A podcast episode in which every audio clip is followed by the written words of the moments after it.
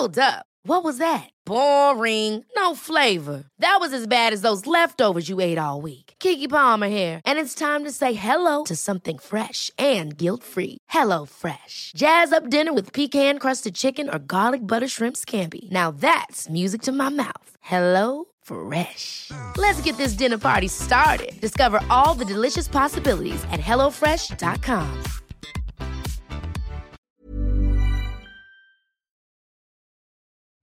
Den där, den här bruden som du håller på med, eller nyss älskade. Prata inte för mycket nu. Det här är en podd. Ja. Kan vi klippa tillbaka? Ja, jag får klippa i början. Nöden har ingen lag. Välkomna till ett nytt avsnitt av podcasten Cyril och Stig i otakt med samtiden. Podcasten produceras av Storyhood. Dagens gäst är journalisten och författaren Fredrik Strage. Strage började i slutet av 80-talet skriva för fanzines så snart Östgötakorren. Han eh, medverkade regelbundet i musiktidningar och livsstilsmagasin som Bibel, Månadsjournalen och Pop. Under 2000-talet började han regelbundet att skriva för Dagens Nyheter.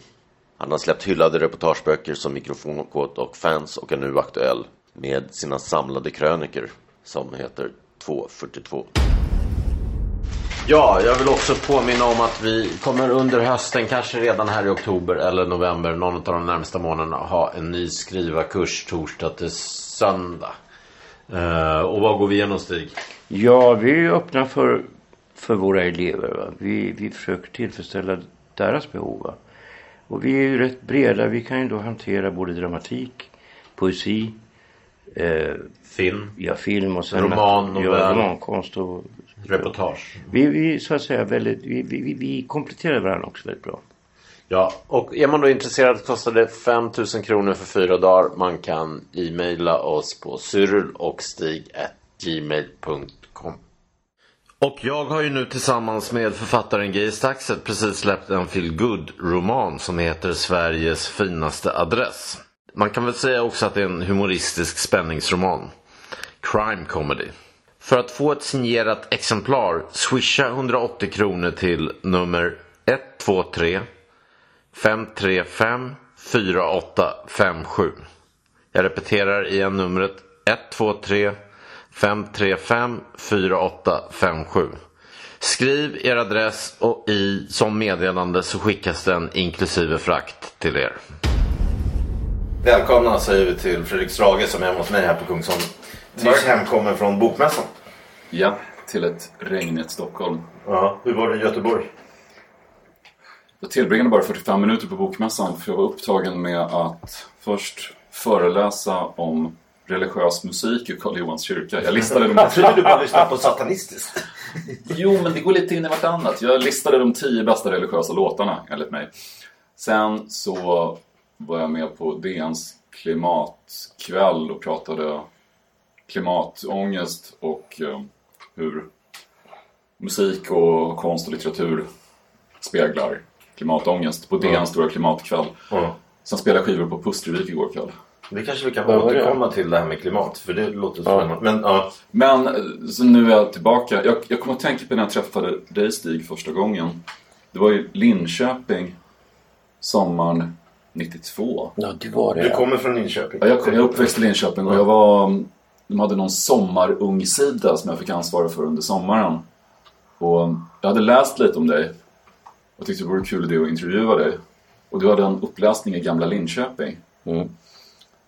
Så vi träffades och du satt där och kedjerökte i en tuff skinnjacka.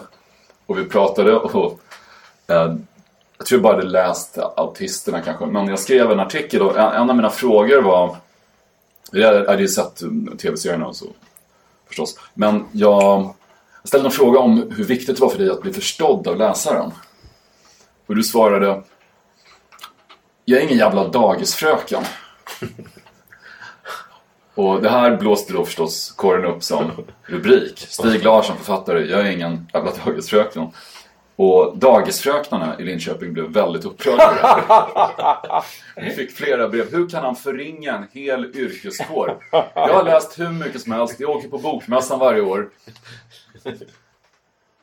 Så jag är rädd att du... Att Ja, du det var verkligen några... inte meningen. Jag får be om förlåt till alla Ja dagisfröknar. just det, jag fick be om förlåtelse till städerskor faktiskt. Ja. Nej, men vad fan. Men jag minns, jag har till och med skrivit en text som jag är väldigt nöjd med. Som heter Linköpings publik.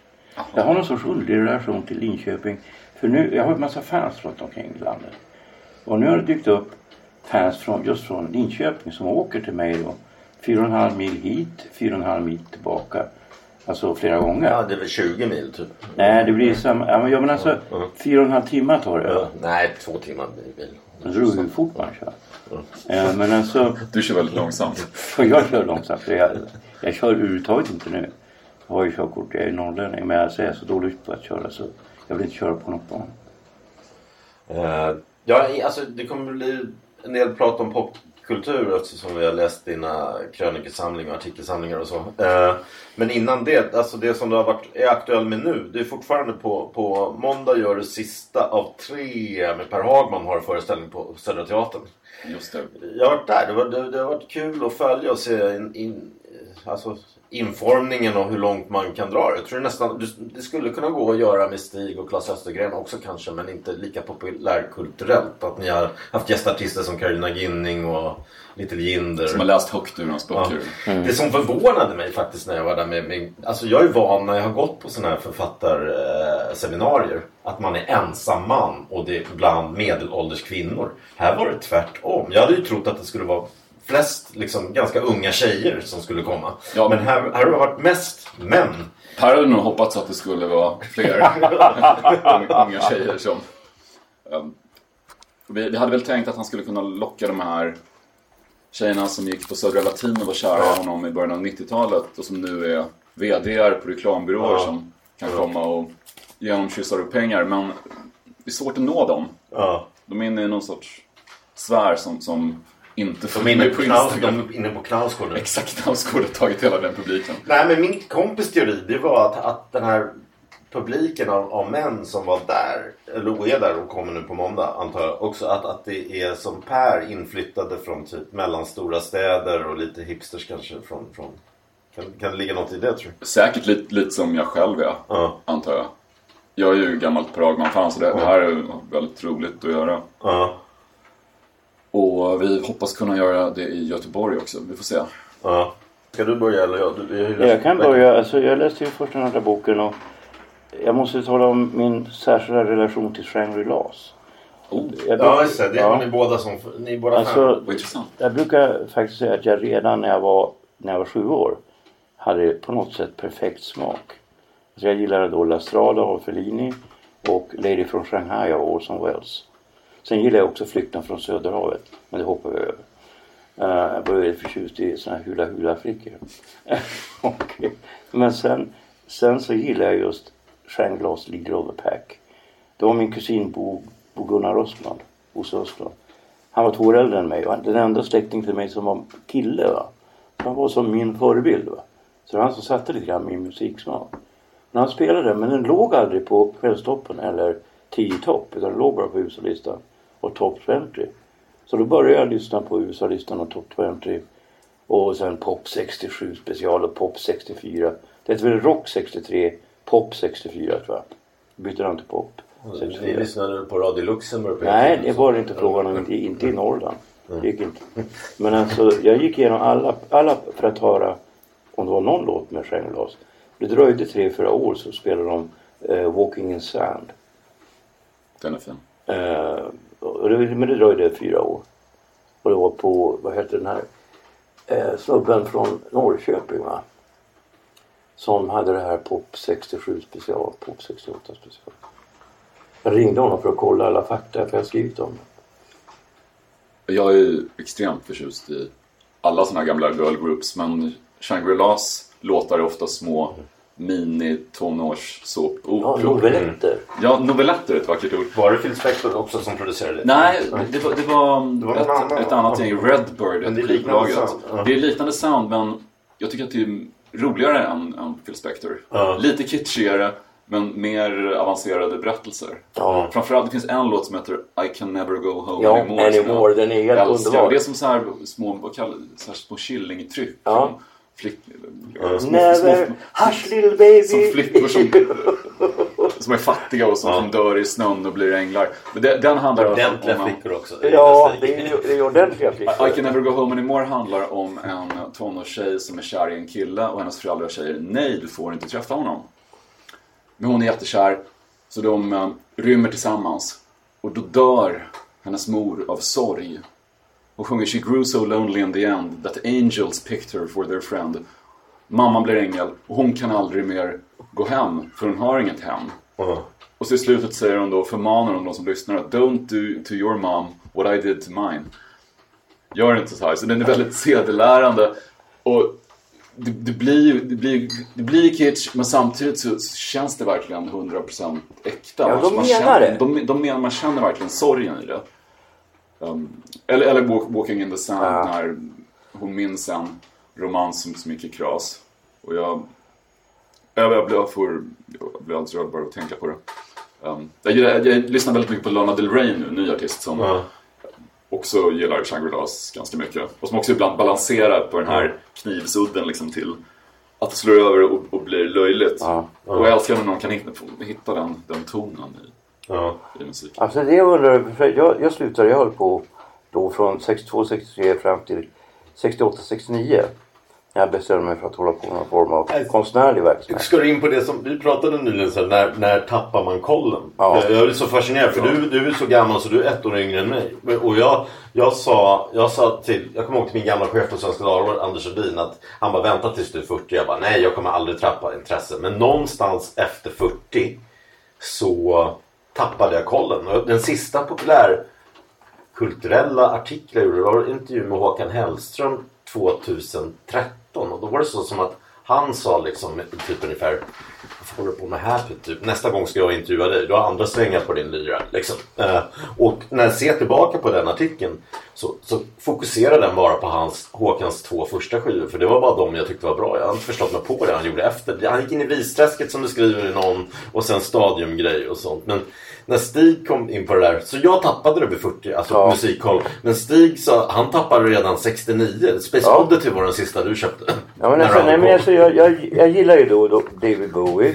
Jag gillar... Jag, fram till Space Oddity så tycker Ja. jag att Bowie tappade allt. det är ett väldigt intressant perspektiv. Nej, men jag tyckte i och för sig att alltså, Station to Station och så där var bra. Herregud. Alltså, jag var på tennishallen, allt gjort det där. Du var på tennishallen? Ja, ja, Det är ja. den bästa Bowie-plattan. Hur var det? Station. Det var väldigt bra för det var så lite publik. Du kunde gå Ja, fram ja. till scenen.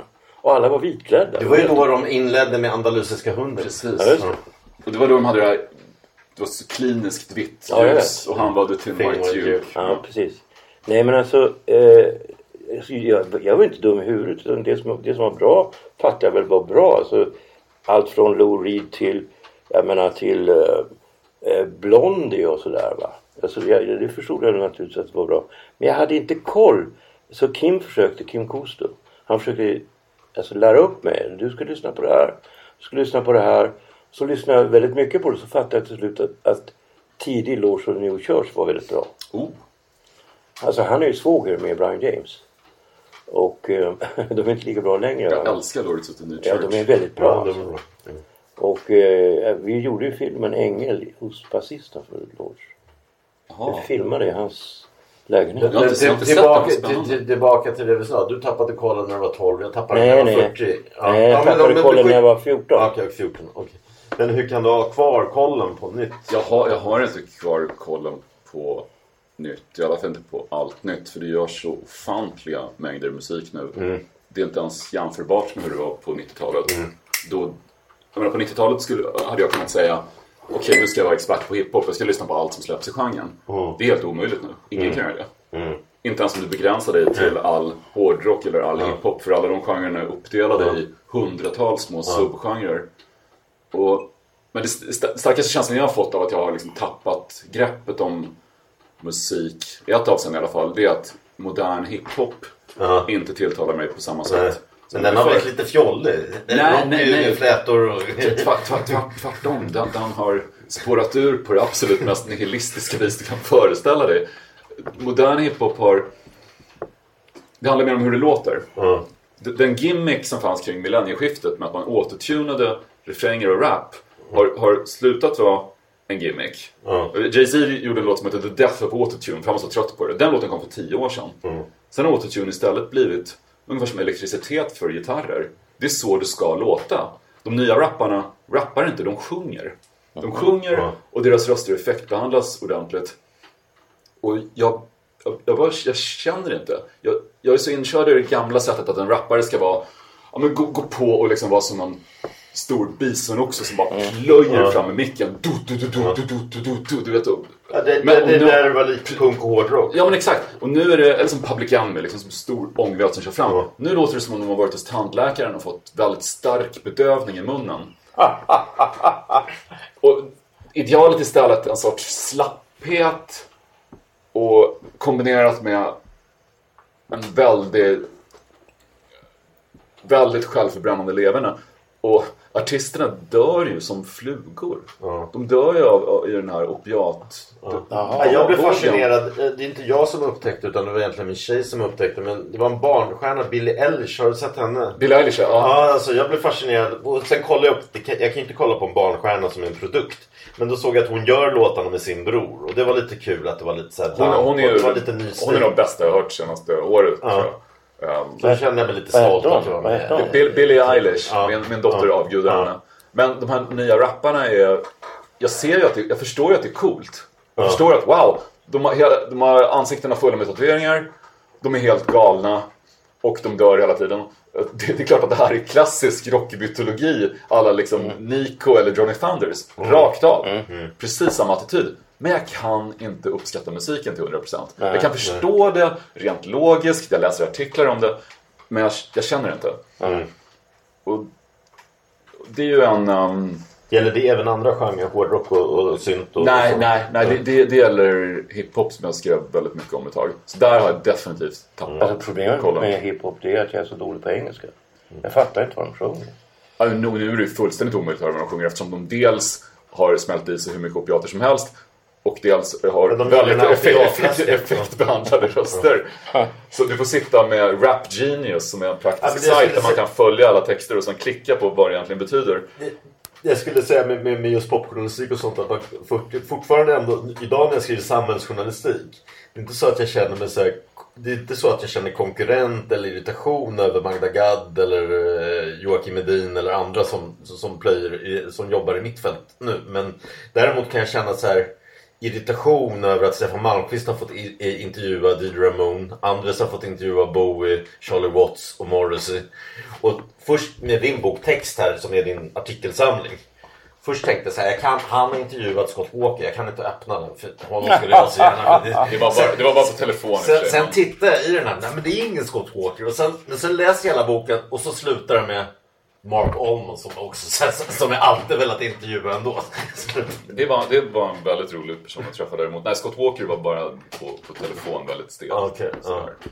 Men, Det var inte med här, det var efter kanske. men äh, om, jag, om jag inte kände starkt för någon ny musik som kom, Ja. då skulle jag nog börja pyssla med något annat. Men så länge jag hittar saker som verkligen ger mig gåshud och får mig att känna att oj, det här är ju monumentalt. Som jag sa, att jag tycker må- många när du har intervjuat vanliga människor, go-go-dansare och framförallt den här med, med barpianister, så här folk, eh, en värld folk känner men inte kan någonting om. De, de var väldigt bra. Sånt gillar jag själv att skriva också. Jo, det är ju egentligen det jag tycker bäst om att göra. Den typen av journalistik som du- du har ägnat så mycket tid åt, som du har hållit på med jättemycket och verkligen briljerat med. Men jag märker att ju, ju äldre jag blir och ju mer liksom medielandskapet förändras så har jag dels inte tid att göra det och jag, jag har inte råd att göra det. Nej.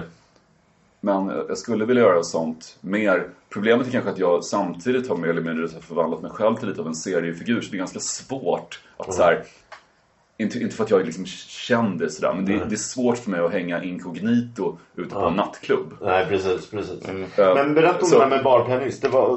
Bar, jag, jag, skrev, jag skrev en DN-artikel om barpianister i Stockholm. På den tiden det fortfarande fanns barpianister på väldigt många ställen. Det var hösten 2001, precis efter 11 september. Och på Grand Hotel hade de en otroligt duktig pianist. Hon spelade där några gånger i veckan. Hon hade repertoar på 500 låtar eller något Hon kunde spela precis vad som helst. Mm. Och den kvällen var det så här fulla mellanchefer från svenska företag som var där och skröt om att de Ja men de, de sa något i stil med, ja, men vi är Sveriges tredje största VOS, förlåt inte VOS, vilken freudiansk felsägning. Vi är Sveriges tredje största VVS-firma. Vi är här och dricker och äter på kundens bekostnad. Och nu ska vi köra hårt ikväll. Och ju fullare de blev, de började prata engelska med, med bartendern för att han var mörkhyad. Och de snodde en ishink som de började skramla in pengar till pian- pianisten i dricks med. Bartendern försöker ta ishinken tillbaka från de här VVS-cheferna. Och de skriker No, don't take the, the money. It's for her, you fucking Taliban. Vi är inte talibaner, vi är Sveriges tredje största VVS-firma. Det blir bråk mellan dem och hon löser hela konflikten genom att spela att angöra en brygga med raden Åh, ni är fantastiska män. Och då blev de lite smickrade för de trodde att de sjöng om, om, om, om dem. Och ehm, det var någon liten man där som heter Göte som är hennes största fan som var där varje gång hon uppträdde. Och han beställde kanske en, en Coca-Cola i, baren och så stod han där och bara lyssnade på henne tills hon hade sjungit färdigt. Han väntade alltid på Abbas I have a dream och när, när hon sjöng den så fick han en tår i, mun, i, i, ögonvrån och sen tog han sin plastpåse och, och gick hem. Ja, men det är det som är, alltså det första jag läste av det, det var ju den här Fans som bok va. Eh, och den gjorde ett sånt enormt intryck på mig. Och grejen är, och det jag undrar om du är medveten, du kanske är medveten om det, det är att du aldrig nedvärderar någon. Alltså när du skriver engagerat om såna här du, eh, fans till pojkgrupper så är du intresserad av det. Och det finns liksom ingen värdering i det. Eh, och Men det, är- det är nog också för att jag kan se mig själv väldigt mycket i så här tonårsflickor som står och skriker och, och dyrkar pojkband. Jag är nog mer inne på girl groups kanske. Men, men jag, är- jag var ju lika... Jag minns när jag intervjuade TLC, amerikanska R&B popgruppen. Ja. Tre söta tjejer från Atlanta och jag var ju helt, jag var så nervös att jag skakade. Och på nyårsafton 99 i Atlanta. Och så jag, jag, jag, tror, jag, kan, jag tror också att man måste ha kvar lite av den här tonårshysteriska fascinationen för, fast- för stjärnor. För att man... Det, det är inte bra att bli blasé i det jobbet. Du måste tycka att det är superhäftigt att träffa en rockstjärna. Och, det, och det är det hela podcastgrejen som jag gör hemma hos Drage. Ja. Bygger också på att även lyssnarna ska känna Wow, har de varit hemma hos Fredrik? Fast det kan ju också bli som Tobbe Young, du vet han som skrev den där Hopplös hatad av alla när jag intervjuade honom. Han beskrev, och jag kan känna igen mig lite ur honom. Han säger också när du träffar din idol så vill du typ döda honom för att det blir som en fadersgestalt. Att man blir otrevlig. Och jag, jag frågade Stig, han sa bara skillnaden mellan dig, för han hade läst Per Hagman intervjun jag gjorde. Du är lite hårdare i dina intervjuer än vad Fredrik är. Och, och, och jag tänkte på det när, när, när du gjorde din Per Hagman-grejerna nu på Södra Teatern. Att, att du, eh, trots att skulle han starta ett Instagramkonto så har han 10 000 följare. Du har 130 000. Ändå viker du ner dig. Nej, nej jag, jag, har, jag, har, Nej, men- jag har bara 16 000 följare Okej, på okej. Instagram. Okej, så- men då skulle han ha 5 och du har 16 ändå. Men ändå viker du ner dig eh, på något sätt. Att Jo men det, du, det, att- han, det är ju hans kväll. Självklart Precis, så jag, jag, jag är bara en Ja, men du, men du, du är ändå liksom fanet. Du, du, du mästrar honom inte som en del intervjuare kan vara. Nej, och samtidigt eftersom jag är fan så har jag koll på grejer om Per Hagman som Ja. nästan ingen annan har. Mm. Och han, han lyckades ju tjuvläsa mitt manus senast och var såhär, Ja, det var det han sa. du inte fråga om. Det Jag sa det att jag sa att den första kvällen var bättre. Och det var ju för att han tjuvläste. Jag sa det till honom. Han är lite kontrollfri. Ja men tacka fan för det. Det, det skulle ju också vara om någon nej, gjorde jag- tre kvällar på Södra Teatern om, Nej, om mig. nej, nej. Han har ju aldrig gjort något sånt där förut och plötsligt är det lite här i ditt liv med Per Hagman. Nej, jag, jag skulle vilja säga jag skulle absolut inte vilja berätta någonting i förväg. Jag har ju gjort så jävla många intervjuer och då frågar de mig Vill du ha någon fråga i förväg? Absolut inte. Alltså jag tar det på volley. Men en sån grej med dig Stig vore ju fantastiskt. Ja, det menar, Nej men vi, vi, vi snackade om idén att, att man skulle kunna göra det med tre olika. Jag skulle kunna köra romaner. Vi snackade Carl Michael, skulle, Edenborg skulle kunna göra teater och Victor Malm poesi. Men, men grejen är du så, Per- grejen med Per är att han är borta ur media ett tag. Och Stig är alltid med. Nej, jag är inte alltid med. Per, per Hagman, hela... Ja, men det finns ju en, en liknande mytbildning kring, Mm. kring, dig och Per. Och det är ju det ni har gemensamt, för, förutom en ganska trasslig ekonomi då uppenbarligen. Att eh, det är personer som folk känner till. Mm. och vill, är nyfikna på. Och det är en ganska stor fördel tror jag om man sen ger ut en bok. Um, för jag pratade med Per om det och han, han Ja, men hur han, han har haft ekonomiska problem liksom hela sitt vuxna liv. Och, han, um, och jag sa, jo det är negativt, det är jättetråkigt för dig. Men samtidigt så, det är så många andra författare som kom fram. Många andra unga rebeller i början av 90-talet. Som Claes Holmström eller Alexander Skantz. Och var är de nu? De har säkert väldigt välordnade, lyckliga liv. Men har de en karriär längre? Precis. Alltså det kostar ju jävligt mycket att hålla på med litteratur på det sättet att du är kompromisslös med det du gör. Va? Eh, Det gör att du lever fattigt. Det är bara rakt av så. Men när du Fredrik växte upp, wow. Det, det med synt, alltså för, för, för vi är ju ungefär lika gamla. Det var ju synt versus hårdrock. Eh, men sen, sen när jag när jag läser din, dina böcker med, med artikelsamlingar och krönikor. Så säger jag, alltså jag har skrivit upp, det, det mesta är likheter som jag har med det. Du har skrivit upp eh, James Bond, serier, skräck, got, death metal, Turbo Negro, Mark Almond, Nico, synt. Men, men däremot så att jag inte liksom hade någon koll på så här bodysynt och sånt. Eh, Det där var ju lite min punk. Ja, det känns... Ja, men, men nu när jag lyssnar på det, när jag lyssnar på det här så låter jag förstår ju släktskapet med punk. Jag hade ju också punk. Medan sen känns det, du, du har mycket bättre koll och jag är mer på gubbrock, americana. Alltså, alltså Beatles, americana och det country. Det där verkar du helt skippat, singer-songwriters och sånt. Så här, som privatperson Ja. så lyssnar jag väldigt mycket på det. Jag lyssnar oerhört mycket på Bruce Springsteen. Men jag kan inte komma på... Vad Springsteen lyssnar inte på så mycket. Jag skulle inte komma... ja, Okej. Men Jag, jag gillar Springsteen. För att han, jag tycker han är fantastisk på att skriva poplåtar. Och jag, jag, kan inte, jag kan inte komma på vad jag skulle säga om det som ingen annan har sagt. Nej, för, det, för det finns redan så många andra Alla som skriver om sitter det. och analyserar Så- Dylan. Precis, alla sitter redan och analyserar Dylan och jag älskar, jag är ingen Dylan-fan men om Nina Simone gör en Dylan-cover till exempel så är det det bästa jag har hört någonsin. Men det är redan så utforskat. Ja. Det, det är lite som att vara inne på andra världskriget om, om du skriver om, om historia. Så jag kanske hellre då sitter och gräver i Shangri-Las eller Bananarama eller någonting för att jag tycker att det är lika bra och för att det finns nya saker att säga. Men, men var du som mig att man var polariserad? Jag började lyssna på synt. Alltså, eller jag lyssnade, i och med att jag hade Bowie som husgud så lyssnade jag på sånt som han hade lyssnat på. Kraftwerk, Noi och Cabaret Voltaire och sådär. Men, men, men just så här, Depeche och sånt. Det, det aktade man sig till för, tills Violator kom. Och då tyckte man liksom, ja, hårdrocken vann. De blev, Depeche blev bra när, när, när jag var, Eh. ganska, jag var rätt sen in i musik. Ja. När jag var riktigt liten så var det bara serietidningar. Ma- Marvel superhjälteserier som gällde. Och sen så var jag intresserad av så Dungeons and Dragons rollspel. Ja, och så sånt. Ron skriver det. Det, Ja, det, jag det är en ganska rörande artikel om nörderiet. Att man Ja, vi- försenar sin sexdebut med var- drakar och demoner. Ja, Det var Marilyn Manson som sa det att om varje cigarett du röker förkortar livet med 10 minuter så, så förlänger så försenar varje omgång Dungeons and Dragons din sexdebut med en månad. Det hade Marilyn Manson noterat. Men musik för mig började faktiskt med Bowie. Jag köpte Let's Dance den här gången. Ja. Det var den första skiva jag köpte för egna pengar. Men det tyckte jag redan då på den. Att det här var Bowies svacka. Nej, jag Jag, jag, fatt, jag fattar inte det. Jag tyckte bara om poplåtarna. Ja, men jag tycker det var en bra låt. Så köpte jag, Nej, det så köpte jag. Low Mm. och begrep absolut ingenting. Mm. Och sen släppte jag musiken helt och gick, ja nu tycker jag det. Mm. Men efter det så gick jag in i lång filmperiod. Jag bara såg väldigt, väldigt mycket film. Mycket skräckfilm.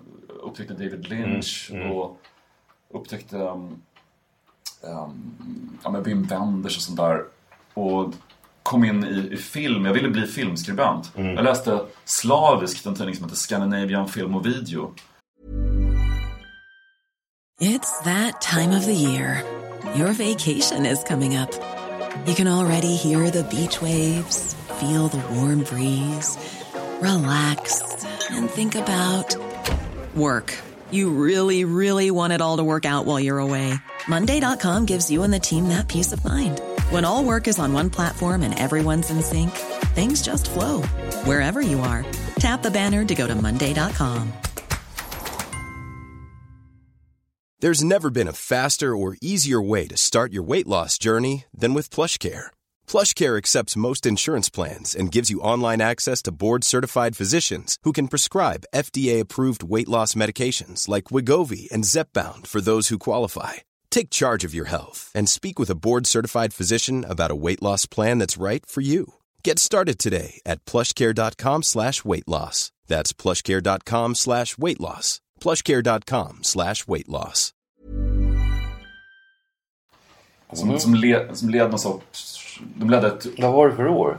Det var kanske 1984-85. De drev en kampanj mot svenska ihåg Chaplin filmcensuren. hette någon. Chaplin var ju den fina filmtidningen. Ja. Scandinavian Film och Video var, var den tjaskiga filmtidningen. Okej. Där sen nästan hela redaktionen faktiskt hamnade i porr. Ja, vad jag, men nu vet jag. Precis. Jag- jag vet inte jag var det där och snott porrtidningen när jag var Och den, tonåring. och den blev ju sen också, den omvandlades successivt till en tidning som handlade om den nya erotiken som fanns på VHS. Och jag var ju prenumerant och den här landade i brevlådan och mina föräldrar som är Fredrik, vad är, vad är det här för tidning du läser? Jag, men, eh, så jag älskade Scandinavian film och video. Och sen kom jag tillbaka in i musiken när den här tuffa elektroniska musiken kom. Ja.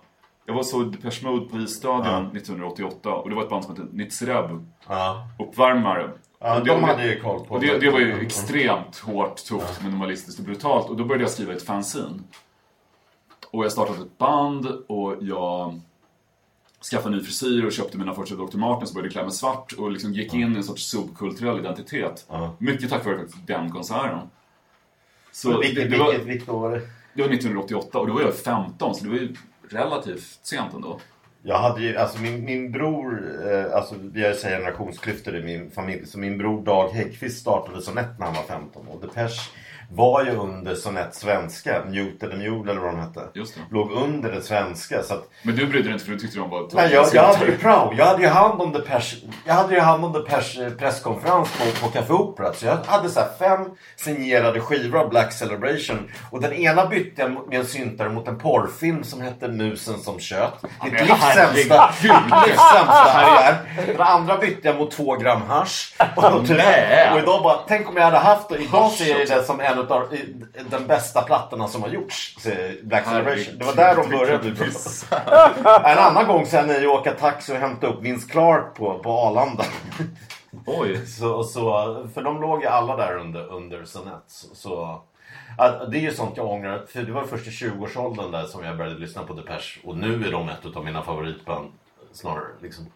Wow, jag, jag bodde nu i Göteborg under bokmässan hemma hos en kompis som jag brukar kalla för Depeche Andreas som är det absolut största Depeche Mode-fan jag träffat.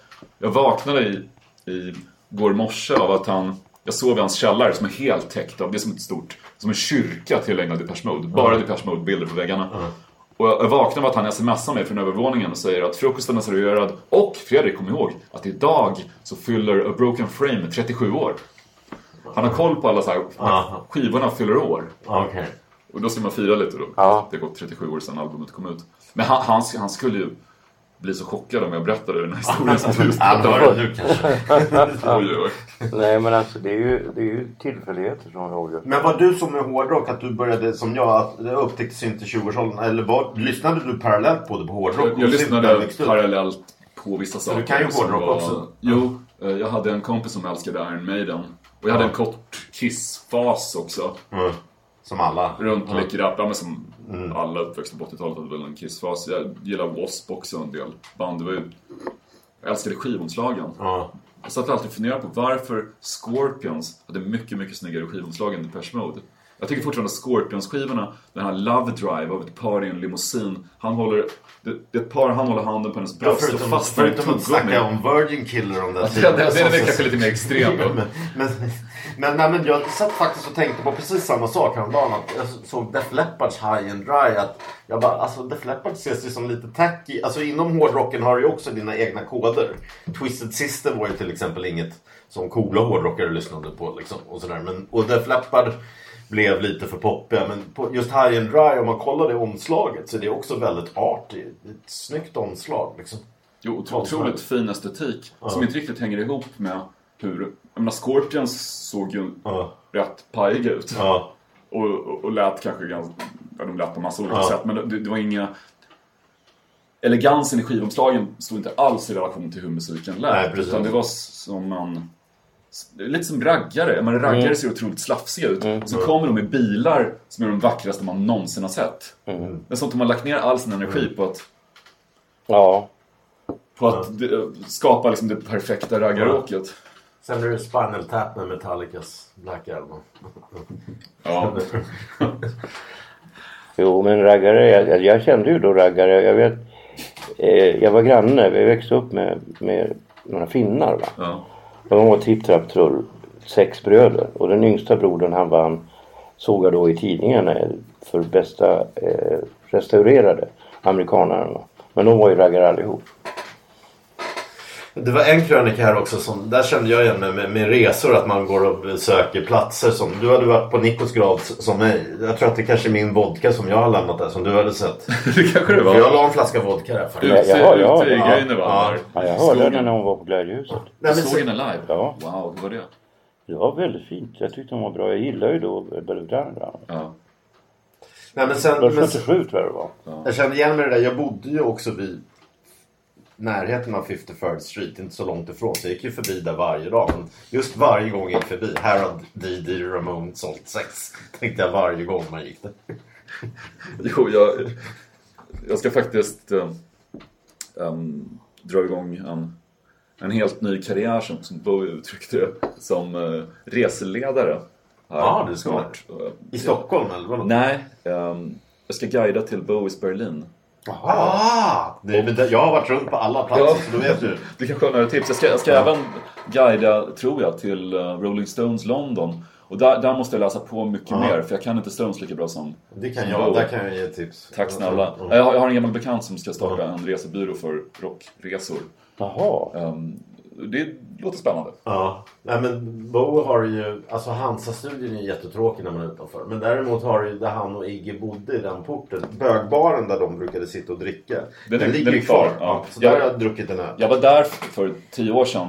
Nu är det ju en plakett och Ja. allting utanför. Men då fanns det inget sånt. Och min, min kompis Anders som jag brukar åka på, på en så kallad syntresa med varje år. Ja. Vi gick dit och upptäckte att på bottenvåningen i huset där Bowie och Iggy bodde fanns det nu en tatueringssalong.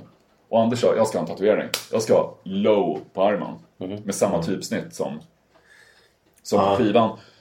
Och han går in och uh, lyckas få en kompis att skicka skiv, skivomslaget via...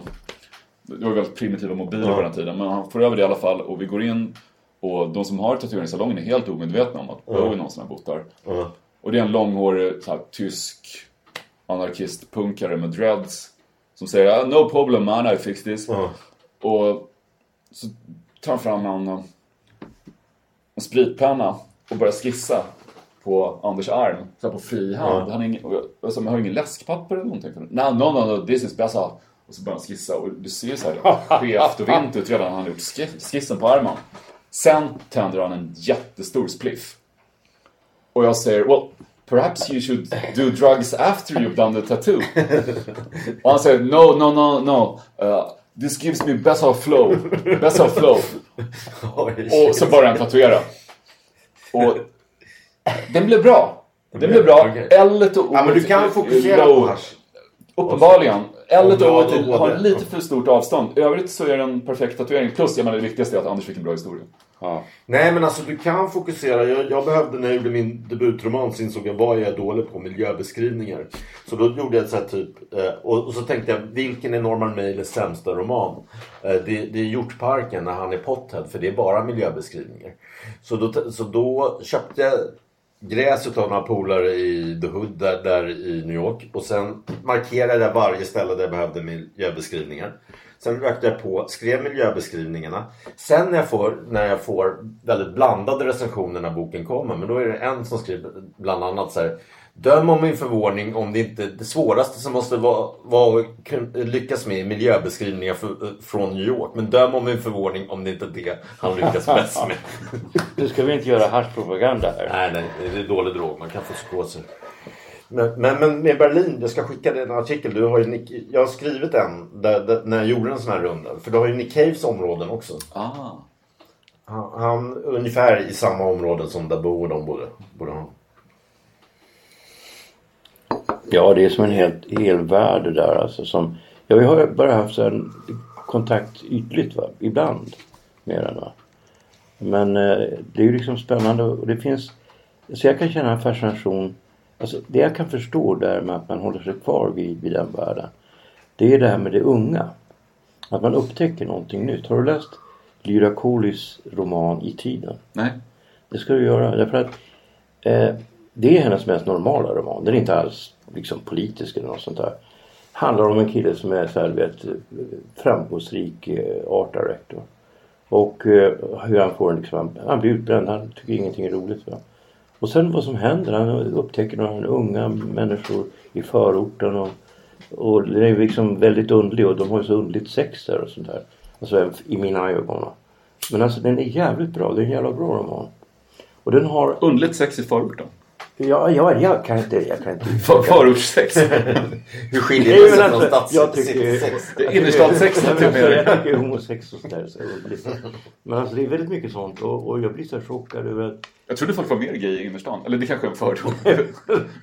jag vet inte alls. Jag har ingen aning. Men i alla fall det är en väldigt, väldigt bra roman. Och sen så måste jag komma tillbaka till min fascination för den serien Spung. För när den kom första gången såg jag då, när Spung 1 kom. Då såg jag typ 10 minuter för jag kände skådisen, en tjej, tjej som var med där. Och så tyckte jag, nej vad fan det här kan inte jag titta på. Och sen när Spung 2 kom så tittade jag på ett avsnitt och tyckte fan det här var bra. Sen började jag titta på den, du vet. Du vet man, det var ju sista gången jag följde en serie på SVT. Sen ringde jag dem och sa, kan ni skicka mig alla, alla avsnitt? Så jag såg, det var ju 16 avsnitt, 8 timmar sammanlagt. Jag såg det två gånger så jag tittade 16 timmar på den här serien. Och sen skrev jag då en text som jag tyckte blev väldigt bra. Men den kom aldrig med i Expressen och de sa det här är inte aktuellt. För jag förklarade då att det är ett nytt medium. Att man med en serie så kan man fördjupa karaktärerna med. För Spung 2 är ju faktiskt bra på allvar. Men hur mycket konsumerar du för att hålla koll? Du är ju dina tips i TV4 och sådär också på, på det senaste. Så, alltså, Jag konsumerar för lite. Inte minst sen vi fick... Vi har två barn och det, det är ganska svårt att hinna... Jag försöker lyssna på musik Men när jag städar och fixar. Jo, jag, jag vet. Men det tar så lång tid för mig att skriva texter att jag... Och jag kan, jag kan ta på musik på bakgrunden när jag skriver. Så Ja. om jag är ute och går eller om jag gör något annat hemma så brukar jag försöka lyssna på saker. Sen, ofta sent på kvällen sitter jag på Youtube som kanske är det viktigaste sättet för mig att upptäcka musik egentligen. Och titta på nyupplagda videor. Men jag, jag har ju ständigt dåligt samvete över att ja, det, det kommer ut en skiva som jag tycker är helt makalös. Och sen inser jag att jag kommer förmodligen bara lyssna på den här skivan fem, tio gånger. Kanske i hela mitt liv. Och så tänker jag på gamla skivor som jag betraktar som klassiker. Hur många gånger har jag egentligen lyssnat på Ja, men den senaste Daft Punk-skivan tyckte jag var helt otrolig. Random Access Memories. Och jag har lyssnat igenom skivan i sin helhet kanske 12-13 gånger. Men så finns det skivorna, ja, men som första Velvet Underground har jag säkert hört upp Ja. 200 gånger eller någonting. Ja. Men det är ju en, det är ett visst demod i det där. Det är väl ungefär som med, med böcker. Att, Tänk alla fantastiska böcker som finns. Man, man kan chansa läsa dem. allihop. Och, min, min pappa en gång sa att han, han var så chockad när någon hade sagt till honom att ville läsa om en bok. Alltså hur kan man göra det? Det finns ju så många andra böcker. Man kan ju inte läsa om en Men bok. jag var lite så tills jag träffade Stig. För han sitter ju och läser vissa böcker typ så här fem, sex gånger. Ja, jag läser ju om mina egna böcker också. Åtminstone sju, åtta gånger. Och är helt fascinerad av det som står där. Bra! Jag fattar, vem, vem, hur, hur har han kommit på det där? Jag fattar inte det själv. Men, men du måste också hålla koll på film och... och... Jag, jag skriver inte så mycket film längre. Nej, utan jag gör min krönika i DN. Sen gör jag den här TV4-grejen varannan vecka. Och sen så gör jag min podcast hemma också. Jag bjuder hem folk till mig. Precis. Som ni gör. Och den, har, den började väl mer eller mindre som en, bara ett sätt att tjäna lite pengar. Men sen har det utvecklats till något som känns viktigare och mer spännande. För jag märker att jag når så många fler än om jag skriver en filmrecension i DN. Ja, det är ju så konstigt. Miljö, alltså medieklimatet idag är så konstigt därför att idag verkar en, en recension i en tidning som DN inte har någon större betydelse. Jag vet inte. Det, jag, jag, jag har märkt att när jag slutade skriva skivrecensioner så var det knappt någon som reagerade på det. Utan jag, jag trodde att någon kanske skulle komma fram och säga Men du, varför har du inte skrivit skivrecensioner på ett år? Ja. Ingen sa någonting. När podcasten hade varit frånvarande i ett par veckor så började folk komma fram på stan. Och då tänkte jag, oj, det här, det här är kanske något jag borde ägna lite Om det är som med oss. Det kommer fram Ja. kids ibland. Alltså killar i vet. 20-årsåldern och, och undrar varför vi inte har släppt ett avsnitt. Varför har för lång paus? Ja men alltså det är konstigt. Man måste på något sätt följa med i tiden även om det är jävligt svårt för mig som är så otroligt gammal. Ni borde ju för övrigt filma den här podcasten för det här är en fantastisk miljö. Det, det, det. det ser... Jag tröttnar, jag bara sitter här och tittar på väggarna, tittar på Chet Baker för- och Phil Lynott och... Bara, bara för att du säger det så ska jag filma en, en snutt. För det säger vår, vår pro- producent att, att, att vi ska... Så prata på ni två. Ja. Så, så filmar jag. Nej men det var en annan grej som jag undrar över om du överhuvudtaget känner till. För den här, den här killen Henrik Garn. För jag sa, nämn ett band för jag skulle göra något i radio. Jag vill göra någonting som är super super smart, som är jävligt bra. Typ sent 60-tal. Och då sa han, ja, alltså det fanns en förpunk i USA. Som var framförallt i Kalifornien. Men det bästa är ett band som var i New York som hette The Gods. The Gods. Oj, Med Z på slutet. Och de har gjort en låt som heter Raider Eyes. Och den är fruktansvärt bra. Raider Eyes, Raider Eyes. Den är från 68 det, det är faktiskt något jag ska, jag ska släppa nästa år den hela. Alltså, jag, jag, det är för spretigt för mig att släppa en, en stor tjock med alla olika grejer. Så jag, jag, medan jag var väldigt produktiv under de 12 åren jag skrev om musik och sådär. Så jag ska släppa en faktiskt med New York-punk bara. Och det är som du säger någonstans i någon av de här krönikorna. Det är roligare att läsa om än att lyssna på ibland. En del, en del, Ja. en del grejer. Och sen- Just när, det gäller så här extrem hårdrock tycker Och jag det också. säger Turbo Negro om dig också. Det tycker jag själv med din Backyard Babies intervju. Att den är faktiskt bättre än dem som band. Det vä- väldigt gulligt sagt av, av Happy Tom det där. Han, han, eh, jag minns när jag intervjuade Turbo Negro senast med deras nya sångare, en britt som heter Tony Sylvester. Då, um, vi pratade om deras gitarrist. Jag tycker nya sången är bättre än Ja, från helvete. jag också. Från och med den här senaste skivan. Ja. I alla fall, då, då pratade vi om deras gitarrist som är otroligt begåvad på gitarr och kallar sig för Euroboy. Ja. Han är så tekniskt är han fenomenal. Och då sa um, Happy Tom att han, um, han har ägnat sina 10 000 timmar åt att spela gitarr. Ja. Han, där han har blivit som Zlatan. Han, han på gitarr. Han har ägnat sina 10 000 timmar åt, det är den här Malcolm Gladwell-teorin att ägnar man 10 000 timmar åt så blir man ett geni. Um, I alla fall, Euroboy ägnar 10 000 timmar åt att spela gitarr. Och då säger Tony Silvestri att ja, men jag ägnade mina 10 000 timmar åt att lyssna på punk. Jag satt hemma och lys- lyssnade på punksinglar. Det är mina 10 000 timmar. Och då sa Happy Tom, jag ägnade mina 10 000 timmar åt att läsa fanzines. Jag lyssnade aldrig på musiken. Ja. 100% teori alltså. Ja. Ingen musik. Jo men de är, de, att Turbo Negro som du skriver att de, alltså, många ironiska band har, har man svårt för som en del, alltså du, vet Flaming Lips och en del utav de där, alltså även om jag gillar Flaming Lips men den som, de som kom med den där Flock of Seagulls och, och många, men, men, men just Turbo Negro tycker jag funkar. Teddy Bears, de är lite som Teddy Bears, de känns som ett skönt gäng som har väldigt kul. Ja, och det finns, Och ju något, det det, finns ju något annat, något lite vagt hotfullt i Turbo Ja. Negro också som, är, Ja. som jag tycker skiner igenom. Eller det skiner Ja, inte, det är En, som jag gillar det är den här Mattias Alkberg. Ja. Vad heter hans band? Han har haft Beer flera, alltså. Ja, Beer Quartet. Ja, Klas Östergrens band egentligen.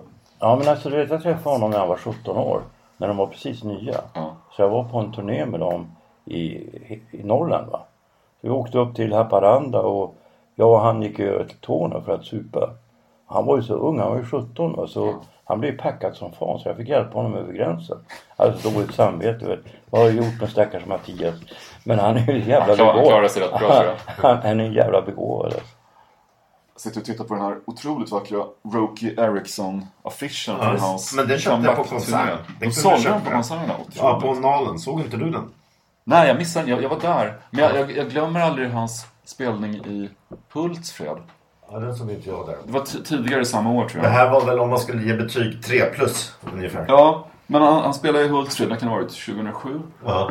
Och ehm, jag hade ingen aning om att Roke Erickson hade en raggarpublik i Sverige. Nej. Att det fanns li, lite så smartare, coolare raggare som Ja. hette Roke Erickson. De hade slutit upp Okej, det visste inte jag. i Hultsfred. Stor publik som verkligen såg ut som klassiska raggare.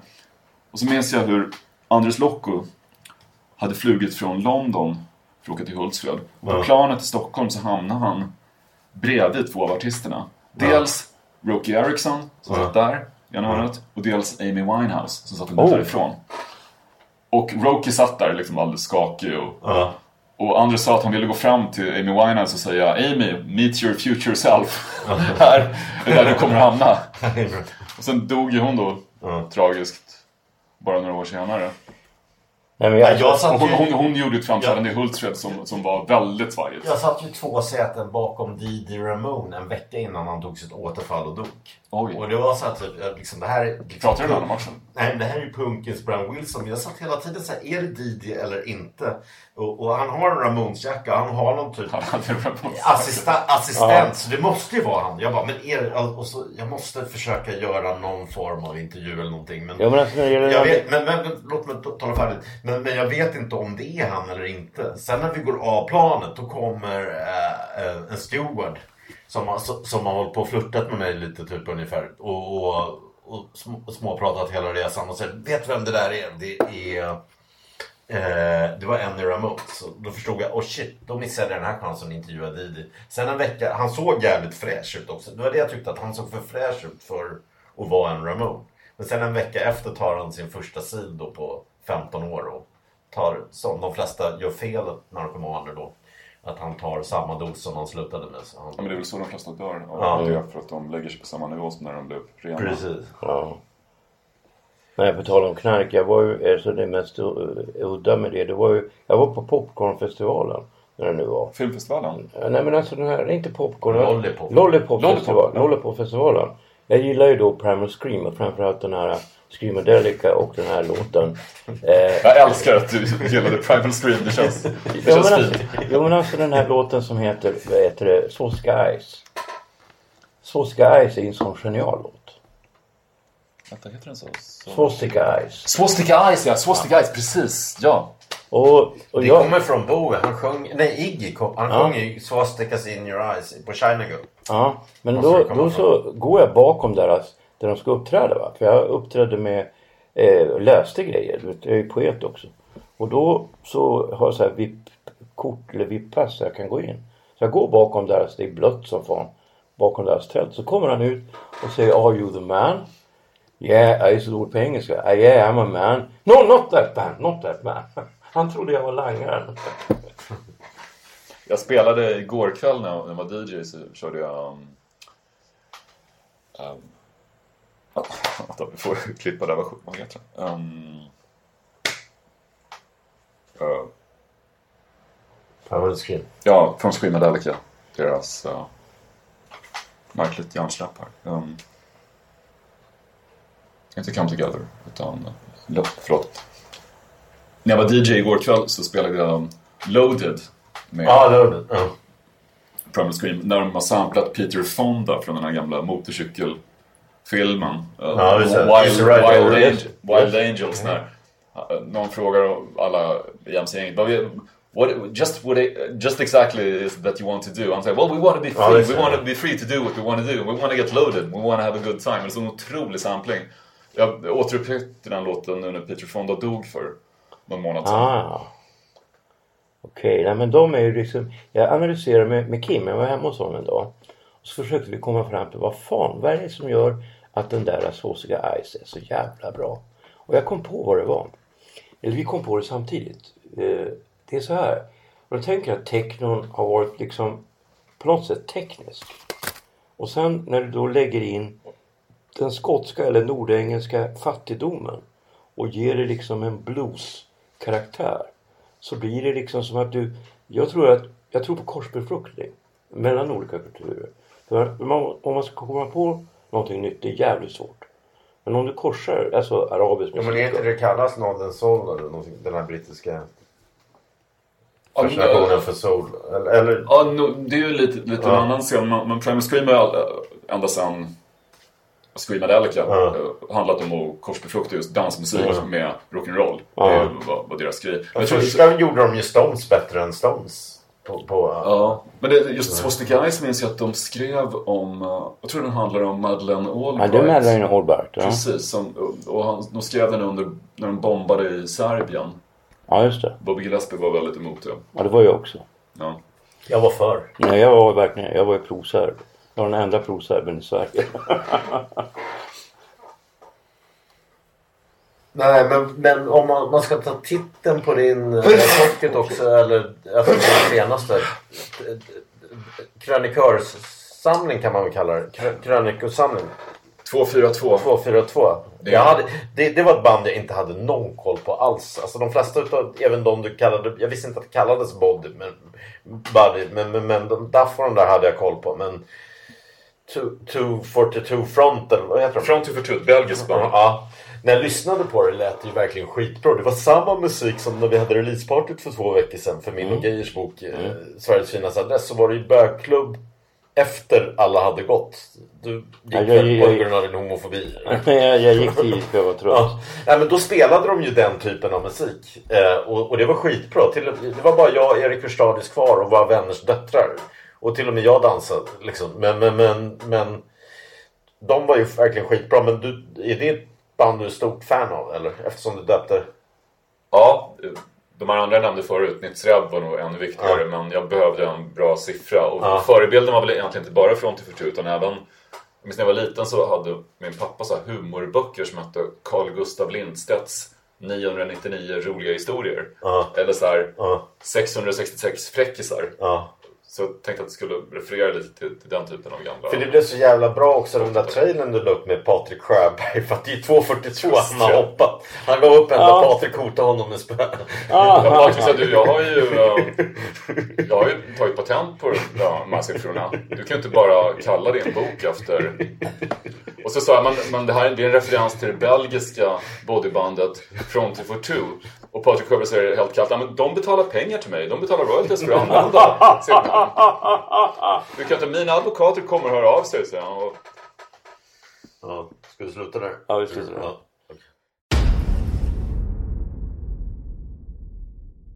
Stötta gärna oss på Swish. Nummer 123 535 4857. Ni kan också följa oss på Instagram och Facebook under Cyril och Stig. Ever catch yourself eating the same flavorless dinner three days in a row? Dreaming of something better? Well, hello fresh is your guilt-free dream come true, baby. It's me, Kiki Palmer. Let's wake up those taste buds with hot, juicy pecan-crusted chicken or garlic butter shrimp scampi. Mm. Hello Fresh. Stop dreaming of all the delicious possibilities and dig in at HelloFresh.com. Let's get this dinner party started. Hey, it's Paige DeSorbo from Giggly Squad. High quality fashion without the price tag. Say hello to Quince. I'm snagging high-end essentials like cozy cashmere sweaters, sleek leather jackets, fine jewelry, and so much more. With Quince being 50 to 80% less than similar brands. And they partner with factories that prioritize safe, ethical, and responsible manufacturing. I love that. Luxury quality within reach. Go to quince.com slash style to get free shipping and 365 day returns on your next order. Quince.com slash style.